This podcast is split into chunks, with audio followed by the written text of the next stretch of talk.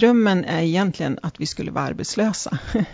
För att vi skulle vilja att det inte fanns våldsutsatthet såklart.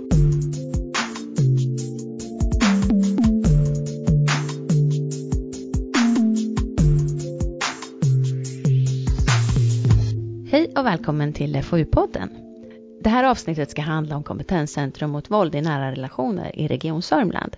Jag som gör podden heter Lena Stenbrink och är kommunikatör för FoU Sörmland. Med i det här avsnittet är Ann-Kristin Nilsson, Karin Arnholm, Linn Burman och Lina Larsson. Varmt välkomna. Tack. Tackar. Och som vanligt så börjar vi med att ni presenterar er lite noggrannare och vi börjar väl med er som är gäster. Karin Arnholm heter jag. Jag är barnmorska och jobbar som samordnare i Kompetenscentrum mot våld i nära relationer och är speciellt ansvarig för teamet för sexuellt våldsutsatta. Linn Burman heter jag, är sjuksköterska i botten, är också samordnare på Kompetenscentrum mot våld i nära relationer och ansvarar över barnskyddsteamet i regionen. Och jag heter Ann-Kristin Nilsson och jag är gynekolog och obstetriker och jag är medicinskt ansvarig för Kompetenscentrum mot våld och också för mottagning för sexuellt våldsutsatta. Och jag heter Lina Larsson och jag jobbar på FoU i Sörmland och jag är här som en del av satsningen RSS Kvinnofrid. Mm.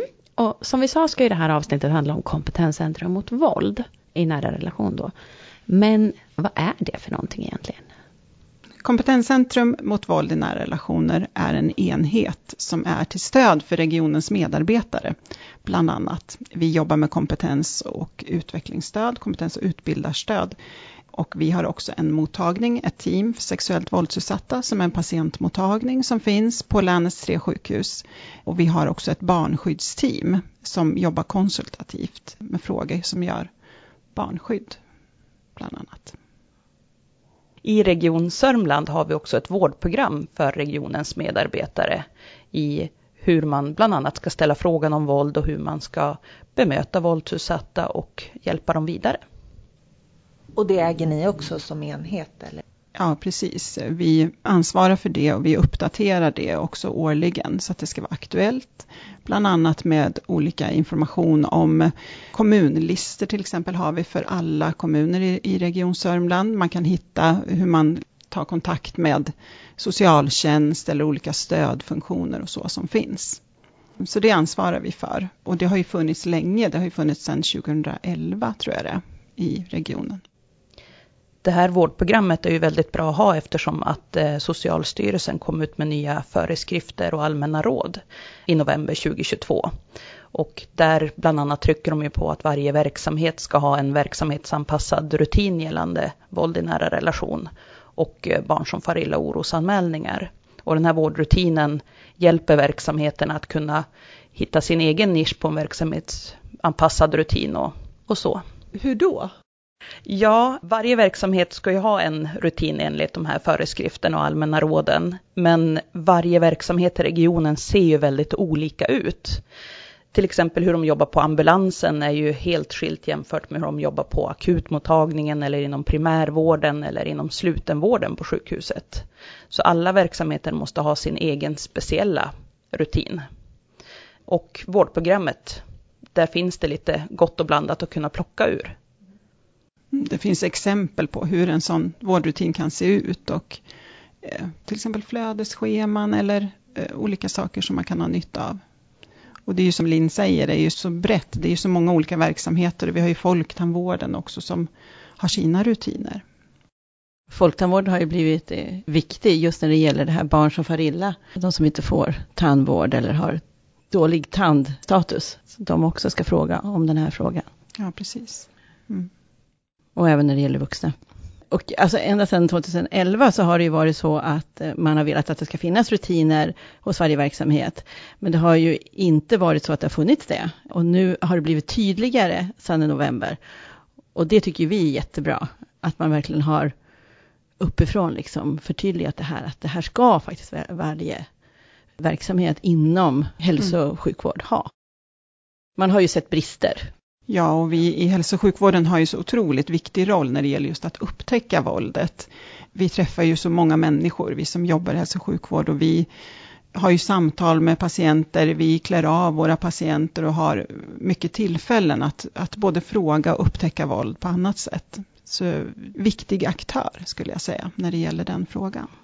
Verkligen, och också att samverka med andra verksamheter som kommunen och socialtjänsten och även frivilliga organisationer och polisen och åklagarväsendet. Så att vi har ju en väldigt viktig roll.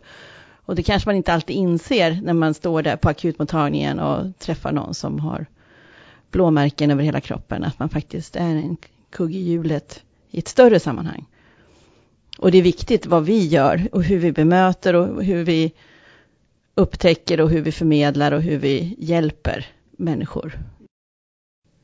Men om man nu står där med sin patient som har blåmärken över hela kroppen, vad gör Det man? viktigaste är ju bemötandet. Eh, att man frågar eh, om de har varit utsatta för våld.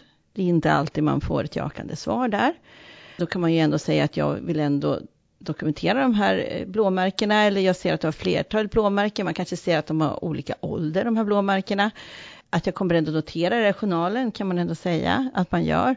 Och även om inte den här personen är villig att framträda för vad som har hänt, de kanske säger att ja, men jag har trillat i en trappa, eller jag har trillat i duschen eller så, så är det viktigt att vi dokumenterar de här bråmärkena. för det kan vara så att den här patienten sedan efter kanske ett par år vill komma ur sin våldsamma relation som de lever i och då kommer ihåg liksom att jag, jag var ju hos läkaren då och då. Jag vet att de frågade, men jag vet ju inte om de dokumenterar någonting.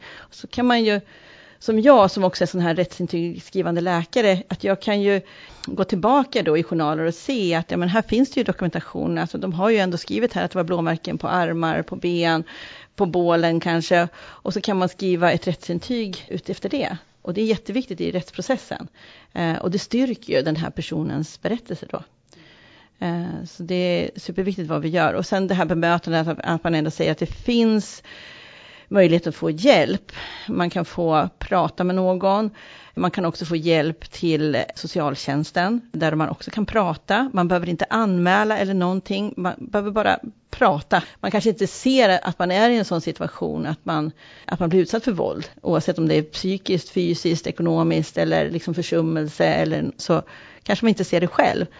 Och då är det viktigt att prata om det här och få en samtalskontakt. Det är ju jätteviktigt tycker jag. Vi kanske ska säga också att det vi har en skyldighet är ju att orosanmäla om ett barn är under 18 år förstås. Eh, så därför är det viktigt att man frågar patienten om de har barn hemma under 18 år. Eh, för har man barn hemma som bevittnar det här våldet så är ju de också enligt den här nya lagen eh, barnfridsbrott så är ju de ett brottsoffer. Så det är ju viktigt att man frågar. Eller om man har en patient som själv är under 18 år förstås. Då är det ju också orosanmälan eh, till socialtjänsten. Men det kan ju vara så att eh, man upptäcker blåmärken eller andra tecken på våldsutsatthet och eh, personen i fråga inte är redo att säga ja, jag är utsatt för våld. Men då har man i alla fall kanske sått ett frö och visat att vi inom hälso och sjukvården anser att den här frågan är viktig och att när personen väl är redo så kan man vända sig till oss för hjälp. Mm. Och det vi vet är ju att många som är våldsutsatta får ju en väldig ohälsa. Det leder ju till ohälsa både fysiskt och, och psykiskt och eh, det har man ju sett i stora studier som man har gjort bland annat via Uppsalas universitet. Och därför är det ju också viktigt från flera perspektiv att vi fångar den här ohälsan som blir på grund av våldet så att vi kan hjälpa till med det som kanske egentligen är problemet för den här personen, nämligen att man är våldsutsatt. Fast man kanske söker upprepade gånger för diffusa värk i magen eller huvudvärk eller värk i axlar och så vidare, så kanske det handlar om någonting annat i grunden som leder till den här smärtan. Skulle ni säga att er målgrupp är alla eller hur ser målgruppen ut egentligen? Ja, det är den ju på sätt och vis. Målgruppen när det gäller det här med kompetenscentrum som en utbildarstöd till exempel, det är ju framförallt regionens medarbetare. Men vi samverkar ju också, som Anki nämnde, så samverkar vi med andra parter. Och när det gäller teamet för sexuellt våldsutsatta så är ju det alla personer egentligen i Sörmland som blir utsatt för sexuellt våld som är välkomna till oss i teamet.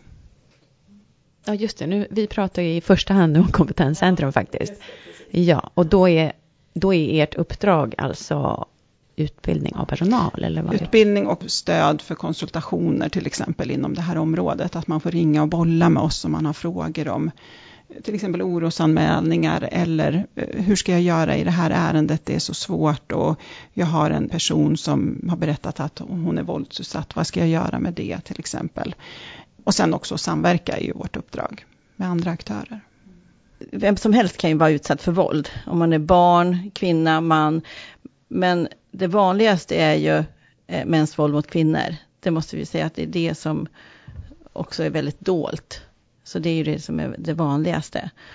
Eh, men egentligen så är vi ju till för Kompetenscentrum tar ju med alla, eh, alla personer.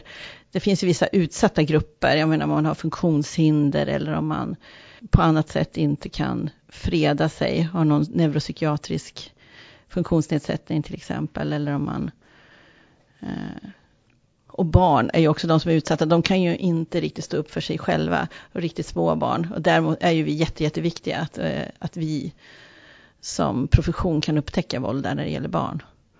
Och också frågar om det. Utbildar ni om hur man frågar barn också då? Ja, det gör vi. Vi har ju massor av olika utbildningar. Dels så har vi ju om man ska säga ett basprogram om våld i nära relation.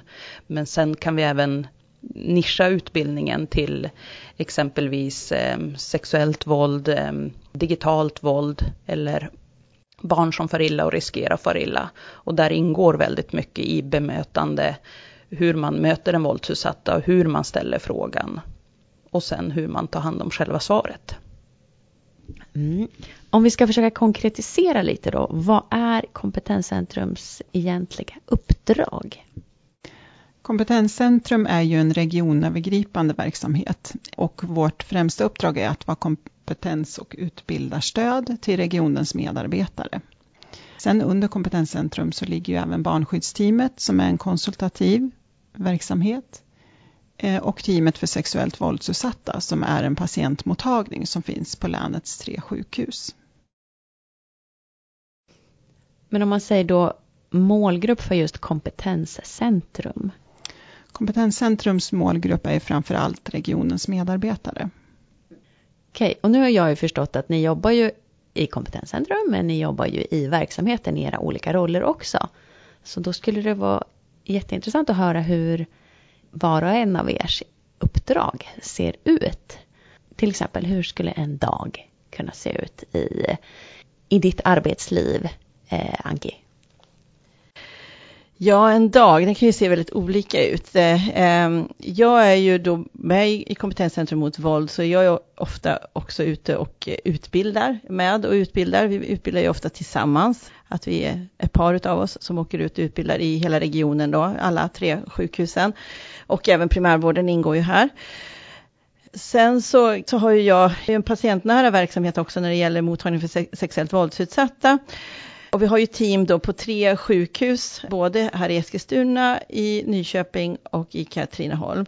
Och då är det en barnmorska och en eh, kurator som finns på varje ställe som tar hand om de här patienterna och sen är det jag som är läkare i teamet och jag är ju till för alla tre sjukhusen då. Och då blir det ju mer en patientnära verksamhet, träffa patienter, undersöka patienter, eh, beroende på om de har några bekymmer eh, eller problem. Och det kan också vara att eh, skadedokumentera. Om de kommer in nattetid, alltså jourtid, då är det inte jag som träffar de här patienterna, utan då är det andra i verksamheten, de som är på akutmottagningen eller som är gynjour då, ofta om det är sexuellt våld. Men jag tar hand om det som är efteråt och som behövs efteråt. Sen har vi också nära kontakt med socialtjänsten på alla tre orterna. Och det är oftast eh, våra kuratorer som har kontakt med socialtjänsten, men även här i Eskilstuna så har vi så kallade samråd, där vi då blir eh, kallade till samråd när det gäller specifika personer. Eh, det kan vara någon som är i skyddat boende eller som precis har lämnat en våldsam relation, som kan behöva medicinsk hjälp, så att säga. Det kan vara Eh, medicinering, sjukskrivning, också dokumentation av, av skador med mera. Så då så är vi också kopplade dit. Så min dag kan se väldigt olika ut. Alltså jag kan eh, utbilda på förmiddagen eller på eftermiddagen och den andra delen av dagen så har jag patienter. Så så ser mina dagar ut. Och nu när du nämnde socialtjänsten så fick jag en liten tanke där. Eh, finns det även personer från socialtjänsten med i kompetensteamet? Nej, det är bara regionanställda som är med i själva kompetenscentrum mot våld. Men vi har nära samarbete med socialtjänst på de alla tre stora orterna då. Vi har ju också med de små orterna, det beror ju på precis vad eh, våra patienter eller vårdtagare liksom eh, håller till, så att säga, vart de bor någonstans. Så vi kan ju ha kontakt med socialtjänsten i Strängnäs eller i Flen eller i Gnesta eller så också, absolut. Men det är en samverkansform då, så de sitter inte med i kompetenscentrum, utan de utnyttjar ju våra då, våran kunskap så att säga i det rent medicinska. Det är om man behöver ha en väg in i sjukvården. Det kan ju vara att man behöver, man har varit utsatt för trauma under flera en del har ju levt i våldsamma relationer kanske i, i 10-15 år och eh, behöver nu hjälp och kan behöva ha hjälp med en traumaterapi till exempel, eller alltså hjälp inom psykiatrin och då kan det vara en väg in i det via mig då till exempel med remisser och så. Så, så, så kan det vara. Eller om de behöver annan typ av medicinering eller vård. De som är skyddat boende, det kan ju vara att de kommer från en helt annan ort än, så det kan ju vara så att de har rivits upp från hela Eh, sin normala vardag. Och de kanske har mediciner och saker som pågår som helt plötsligt bara bryts eftersom de måste byta ort. De kan komma från Gävle, de kan komma från Småland och så bor de här i Eskilstuna just nu. Och de behöver ju hjälp med sina medicinska frågor också. Och de mår ju oftast väldigt dåligt psykiskt och behöver ju ha hjälp där också, både vad det gäller stödsamtal men också kanske medicinering. Svårt att sova till exempel, kan behöva sömnmediciner tillfälligtvis. Eh, jobbigt med ångestattacker, mycket hjärtklappning och jobbiga besvär. Som också kan behöva medicinsk hjälp. Mm. Så min, min verksamhet är ju liksom väldigt blandad, om du förstår. Att det liksom, jag kan inte dela in det i att eh, nu är jag på kompetenscentrum mot våld och bara utbildar och, och nu är jag patientnära. Utan mitt flyter ihop väldigt mycket. Mm. Men det är alltså ni tre som är med i kompetenscentrum eller är det flera? Som det ser ut nu så är det vi, men de som jobbar i teamet för sexuellt våldsutsatta har ju delar av sin tjänst liksom gentemot oss kan man säga. Eh, men de är anställda på kvinnoklinikerna. Mm. Då kan du fortsätta att berätta lite om ditt uppdrag idag. Då. Ja. Ehm, ja, men jag har ju inte så mycket patientkontakt som Anki har längre, ska jag säga, eftersom jag jobbar som samordnare. Så att för mig är det mycket utbildningar. Eh, jag deltar ju även i de här samråden som, som Anki nämnde eh, ibland. Men som till exempel idag på morgonen har jag varit på akutmottagningen här på Mälarsjukhuset och eh, utbildat personalen kring det här med spårsäkring efter sexuella övergrepp som är ju väldigt specifikt då, där man behöver eh, veta vad man ska göra som assistent när man kommer in eh, efter en våldtäkt till akutmottagningen till exempel. Men sen kan det vara att eh, man har en utbildning eller det ringer någon från en vårdcentral och vill fråga saker och då är vi behjälpliga med det. Vi jobbar mycket med, med utbildningar skulle jag säga. Mm. Och Linn då som sjuksköterska, Ja, som samordnare på Kompetenscentrum och ansvarig över barnskyddsteamet. Här är det mer en konsultativ roll till regionens medarbetare. Mitt arbete är väldigt varierande. Allt från att eh, regionens medarbetare ringer och frågar hur ska jag tänka i det här ärendet kring barn som far illa. Ska jag göra en orosanmälan? Ska jag inte göra en orosanmälan? Eh, vad händer om jag gör en orosanmälan i onödan? Eh, många frågor som kan handla om, ja men det här barnet kanske är 17 år, ska jag verkligen göra en orosanmälan då? Hen är ju nästan vuxen. Eh, så många sådana frågor hjälper jag till att bolla med på dagarna. Till eh, allt från hur ska jag fotodokumentera olika skador, samverkan mellan barnklinik och eh, teamen för sexuellt våldsutsatta när det gäller yngre barn, var lite spindeln i näten där. Sen är det ju väldigt mycket utbildning för mig också. Och framförallt kring barn som far illa och riskerar att fara illa. Hur man exempelvis se skillnaden på nu på sommaren, sommarben fullt med blåmärken för att man har varit ute och åkt skateboard eller är de här blåmärkena på barnet någonting annat? Är det våld det handlar om? Hur ser man tecken på en våldsutsatt eh, ungdom som är arg och grinig? Är det allmänna vanliga hormoner hos en tonåring som gör att den är arg och sur eller, eller är det våldsutsatthet ett tecken på? Så det är väldigt svårt. Det står ju inte våldsutsatthet stämplat i pannan på en. Och framförallt när det gäller barn och ungdomar så gör de oftast allt för att dölja sin våldsutsatthet. Eftersom att det kan vara mamma eller pappa som är våldsutövaren. Men när det är en partner då? Är det lika hemligt? När det gäller en partner och tänker våld i unga parrelationer, det är också väldigt hemligt för dem. Och ofta kan det ju vara så att eh, man är i sitt första förhållande. Man har inga referensramar på hur ett förhållande ska vara. Hur ska sexet vara? Eh, det som framstår i media och liknande, man har ju som sagt inga referensramar och då kanske det man, förvänt, det man förväntar sig är det man får. Nu berättade du lite om, om våld i ungas relationer, men hur jobbar liksom du i barnskyddsteamet med den frågan? Ja, jag tänker våld i unga relationer, det gäller ju, det är ju våld mot, mot barn. Och, och min specifika målgrupp är ju eh, barn och ungdomar upp till 18 år. Och eh, självklart så, så förekommer ju våld i unga relationer i, i barn och ungdomar under 18.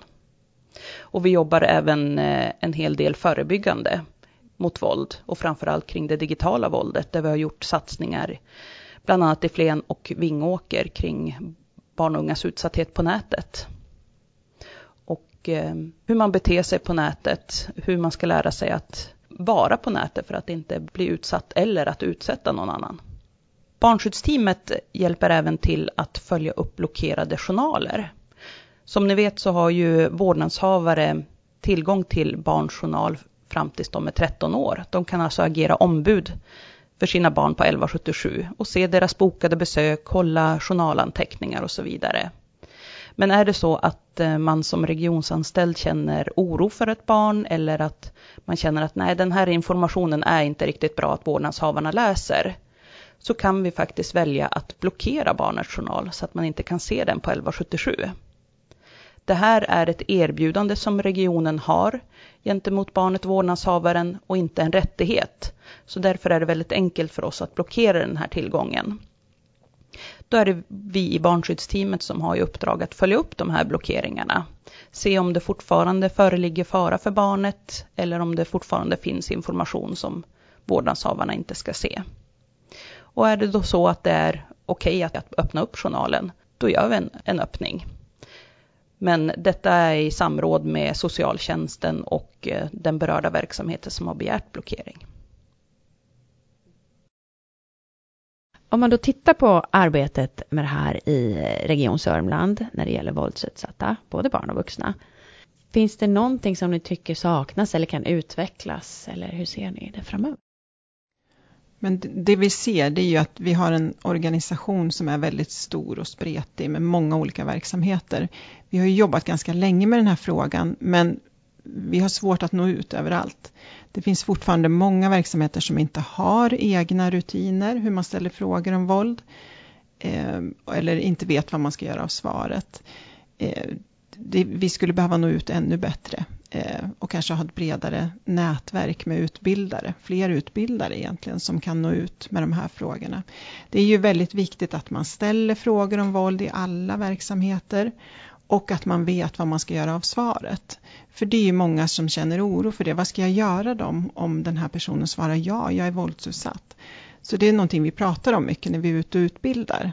Ehm, sen är det ju viktigt det här med ehm, bemötande. Det är ju A och O när det gäller de här patienterna som är våldsutsatta. Hur blir man bemött om man berättar om sin våldsutsatthet?